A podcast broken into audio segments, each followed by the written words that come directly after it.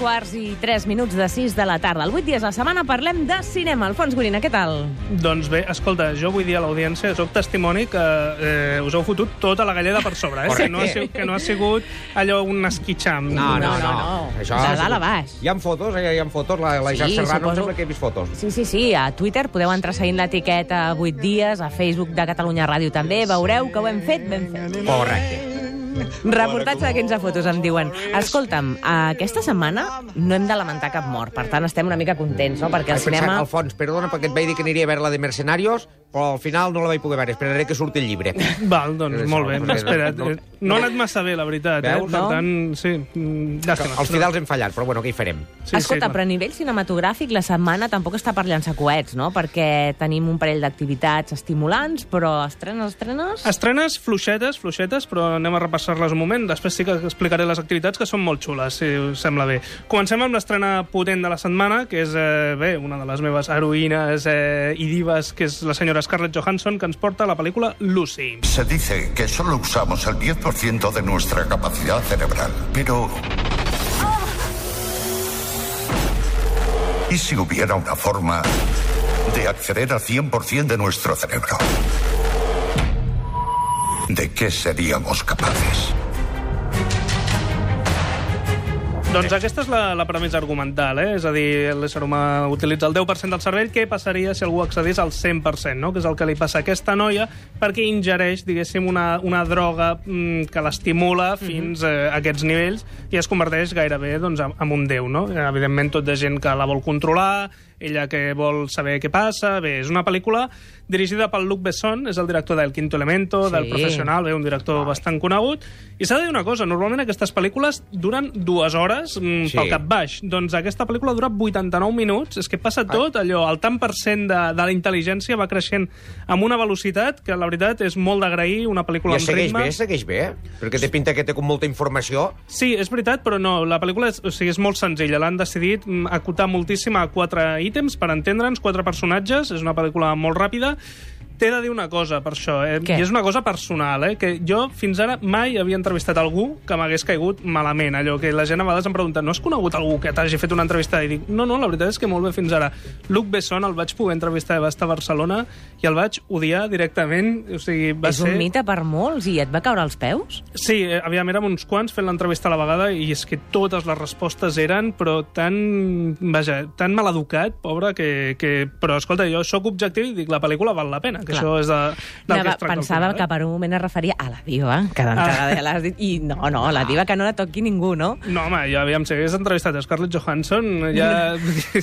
no preocupis, que no, no, no diria res que em pogués molestar, estic segur, no? El que sí que em molesta bastant és la segona estrena de la setmana, que és aquesta Infiltrados en la Universitat 2, que només et dic una cosa, en els trailers, normalment, d'aquestes pel·lícules ja et posen el que són els tres gags bons, diguéssim, després vas a veure la pel·lícula i dius, vaja, eren aquells tres gags. Ok. Jo en el tràiler ja ni, ni ric, em sembla lamentable, per tant, us recomano no anar Fem una prova, Dani. Ara segona. posarem el tràiler i deixa els micròfons oberts a veure com reaccionem a l'Antonio i jo. No tenim el tràiler? No, no, no. Després el busquem, si vols, però és que, vull dir, ho repto. Podria ser, després de l'aigua, serà, o sigui, serà una dutxa més freda encara Ui. que la que us heu Ens clavat quedem abans. indiferents, no? Un dia d'emocions fortes, Sí, noia. sí, sí. En canvi, sí recomano eh, la segona estrena, que està molt més petita, que és eh, En un patio de París. Su jefe de estos últimos meses dice que le ve angustiado. Ha preferido no renovar el contrato. ¿Tiene otra cosa? Conserje de unos pisos. ¿Tiene ganas de hacerlo? ¿Es importante para usted? Bueno, sí, es importante para mí. Limpiar, dormir y no pensar más. Mataría por algo así. Ah, sí, pero no les diga eso, ¿eh? Punt de partida no està malament. No, aviam, és una cosa que hem vist bastant a les pel·lícules últimament, eh, deu ser un reflex a la societat, no? A l'home que està cremat o la dona que està cremada, que trenca amb tot i decideix començar de zero, no? Amb una altra banda, en aquest cas un home que toca amb un grup de música, no pot ja suportar els excessos, diguéssim, i decideix eh, ser, doncs, eh, el, vaja, el, el porter, el gerent d'una comunitat de veïns, i com sempre passa no, en aquestes pel·lícules, doncs, la comunitat, és, hi ha personatges de tot tipus, no? Sentíem a Catherine Deneuve, que és una de les protagonistes d'aquesta pel·lícula francesa, ell té un petit problema d'addicció a les drogues i, clar, ho ha d'amagar als veïns, i és una pel·lícula, bé, la típica comèdia dramàtica francesa que sempre funciona molt bé, i es diu En un patio de París, doncs molt recomanable. La també. típica comèdia francesa que funciona molt bé sempre té final feliç, és el cas? Ui, això, la veritat és que no t'ho puc dir, eh? perquè al final és impactant. No et puc dir si és feliç o no. És Mm, impactant. Si vols t'ho dic fora de, de micro, D'acord. però, vaja, sí, sí, aneu-la a veure, en un patio de París. Apuntada està. Funciona Per cert, que el Dani em diu que tenim el tràiler d'Infiltrados en la Universitat 2. Anem a fer una prova empírica de si realment els gags no, no, no són gens resolutius. Micròfons oberts, Antonio Una Turàs. relación requiere entrega constante. Doctor, yo creo que a veces ni siquiera lo intenta. En serio, es un coñazo y le és una estar altra solo. cosa. Eh? Aquest ja és un o no? No, no, Ha passat un gag, ja? Yo... Está intentando llegar hasta ti. ¿No me la quiere coger? Será mamón. Hay que entrelazar los dedos, si no es Está como si solo fuéramos amigos. Yo... Y no compañeros. No fa gràcia. Ja està, prova empírica superada. Ah, no, ha dit mamón, ha dit mamón, però... Bé, no, no, escolta, qui vulgui posar-se a prova, endavant, i, i res, infiltraràs a la Universitat 2. Jo crec que per una pel·lícula així una mica més d'acció, d'aquestes que t'agraden a tu, Sí. doncs eh, us recomanaria la pel·lícula Lock. Te estás riendo, ¿verdad? Te ríes de mi situación. El más mínimo puto error. Y el mundo se derrumba a tu alrededor. Ahí, que et va fort, eh? Sí, aquesta és la clàssica pel·lícula de persona que en el seu passat ha comès una sèrie d'errors, però ara té una vida tranquil·la i tal, i però el seu passat l'atrapa, per entendre'ns, i ha de tornar a ser la persona que era abans. No? Està protagonitzada per Tom Hardy, que és un actor que a mi m'agrada molt, és dels més interessants d'aquesta nova generació, sobretot en cinema d'acció. No sé si el recordareu, per exemple, El Caballero Oscuro, la leyenda renacer, aquell que tenia aquell bozal que parlava amb una veu tan greu que es deia Bane, farà la pròxima de Mad Max.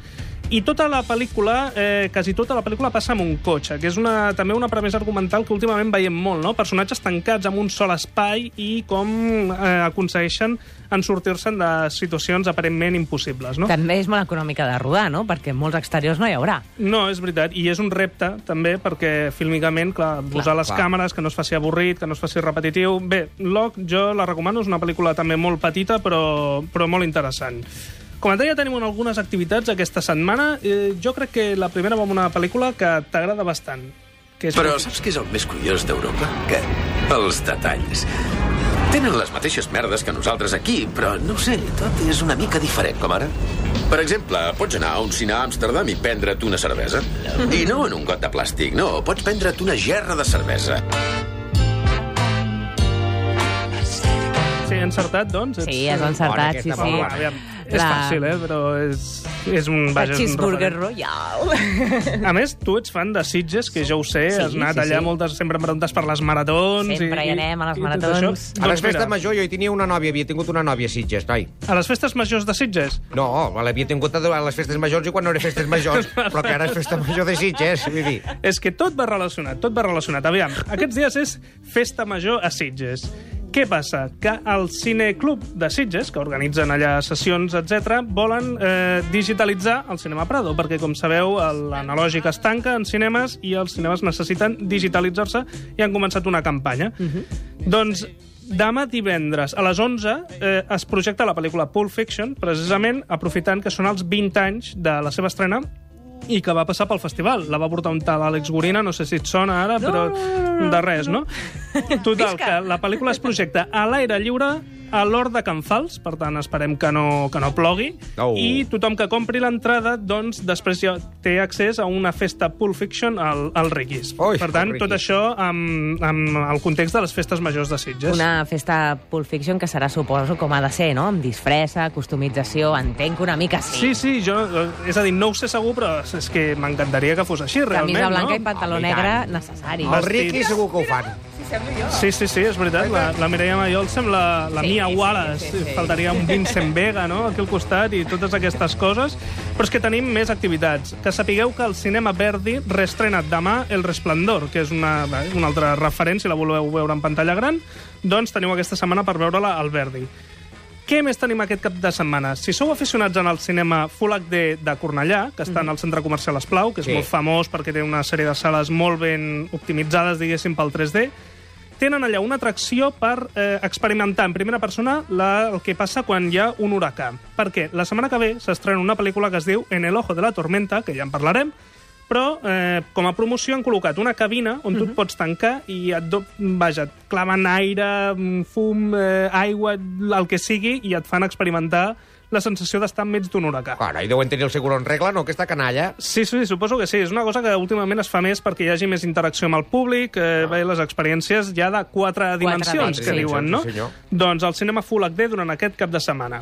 I ara anem a cinema per descongelar. Nos topamos con un francotirador alemán. No cambiaba de posición. Ese francotirador no cambió de posición. Es muy preciso.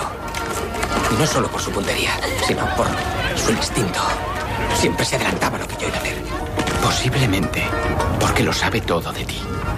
Se llama Comandante Koenig. Le han enviado aquí para... para encontrarte. Són aquelles pel·lícules que es mereixen una segona oportunitat. Sí, no sé si la coneixes, Enemigo a les puertes. No. És una pel·lícula de guerra, de la Segona Guerra Mundial, i concretament a la batalla de Stalingrado, entre russos i alemanys, que la pel·lícula es va estrenar l'any 2001 del director francès Jean-Jacques Zanon. Els protagonistes eren el Jules Dow, la Rachel Weisz, Ed Harris i el desaparegut Bob Hoskins, mira, un que també va morir fa poquet, que feia de Khrushchev, precisament. El divertit d'aquesta pel·lícula és que no només és Segona Guerra Mundial, que n'hem vist un munt, sinó es centra únicament en la figura dels eh, franctiradors, això que, que explicaven, no? De tal manera que la pel·lícula acaba reduint tota la guerra, pràcticament, a una batalla personal entre un general de l'exèrcit alemany i un soldat de l'exèrcit rus que tenen que matar-se l'un a l'altre. I tota la campanya mediàtica que genera al voltant d'aquesta situació fa que gairebé l'enfrontament entre ells dos pugui decidir eh, la guerra perquè el bàndol que guanyi tindrà allò un, un xute de moral, no, diguéssim, important. La veritat és que és, és una pel·lícula que doncs, està molt bé, perquè enmig del context de la guerra, com feia Apocalips Now, et fica en una altra situació Clar. i és molt divertida, molt entretinguda, bueno, divertida, entretinguda, que passa molt bé, molt emocionant, molt ben rodada, de veritat, val molt la pena recuperar Enemigo a les puertes. Una pel·lícula per descongelar, però també una sèrie. Una sèrie per descongelar, eh, no sé si la vau veure en el seu moment, eh, molta gent haurà vist la nova versió, però Clar. jo repto a tothom a intentar recuperar l'antiga. Hay quien cree que bajo la luz de este mismo sol o de cualquier otro más allá de los confines de nuestra galaxia existieron humanos, que pudieron ser los antepasados de los egipcios, que pudieron ser los arquitectos de las grandes pirámides o de la Atlántida. Y hay quien cree que aún hoy pueden existir hermanos del hombre, que siguen luchando por su supervivencia allá lejos, entre las estrellas. Són d'aquells doblatges al fons que fan venir ganes, eh? Galàctica, una sèrie per descongelar, sens dubte. Sí, de l'any 78, eh, protagonitzada per Lorne Green, que era el Ben Cartwright de Bonanza. Això va ser després de Bonanza, per entendre'ns, i protagonitzada per Dirk Benedict, que era el fènix de l'equipo A, el noi, el noi guapo, per entendre'ns. Doncs allà feia el paper de l'Apolo. De fet, et diré una cosa molt fric, i aviam si te'n recordes. Tu, a l'equipo A, Sí. quan hi havia la presentació dels personatges, en els Sí. crèdits, Dirk Benedict sempre sortia que se li creuava un robot per davant i feia així com un gest com de «Ei, què fas tu aquí?»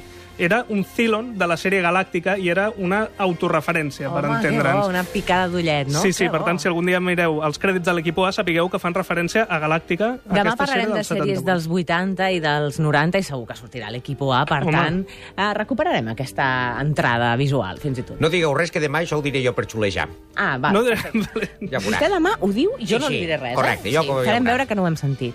Sabíeu que Correcte, medalla A... mitges, al fons. Ja I No, no, no, una tranquil. dada històrica per rematar avui la secció de cinema? Dada històrica, que ve relacionada amb una notícia d'aquesta setmana i és que l'Spielberg ha dit que té la ferma intenció de dirigir una nova versió de West Side Story perquè diu que és un musical que li encanta i diu que sapigueu que tinc en ment eh, algun dia poder fer um, doncs una nova versió d'aquesta pel·lícula. D'acord, colla de set ciències. No sou els amos d'aquests carrers. N'estic dit de baralles i no em penso aguantar ni una més. Us voleu matar, oi? Doncs mateu-vos, però no ho fareu al meu territori.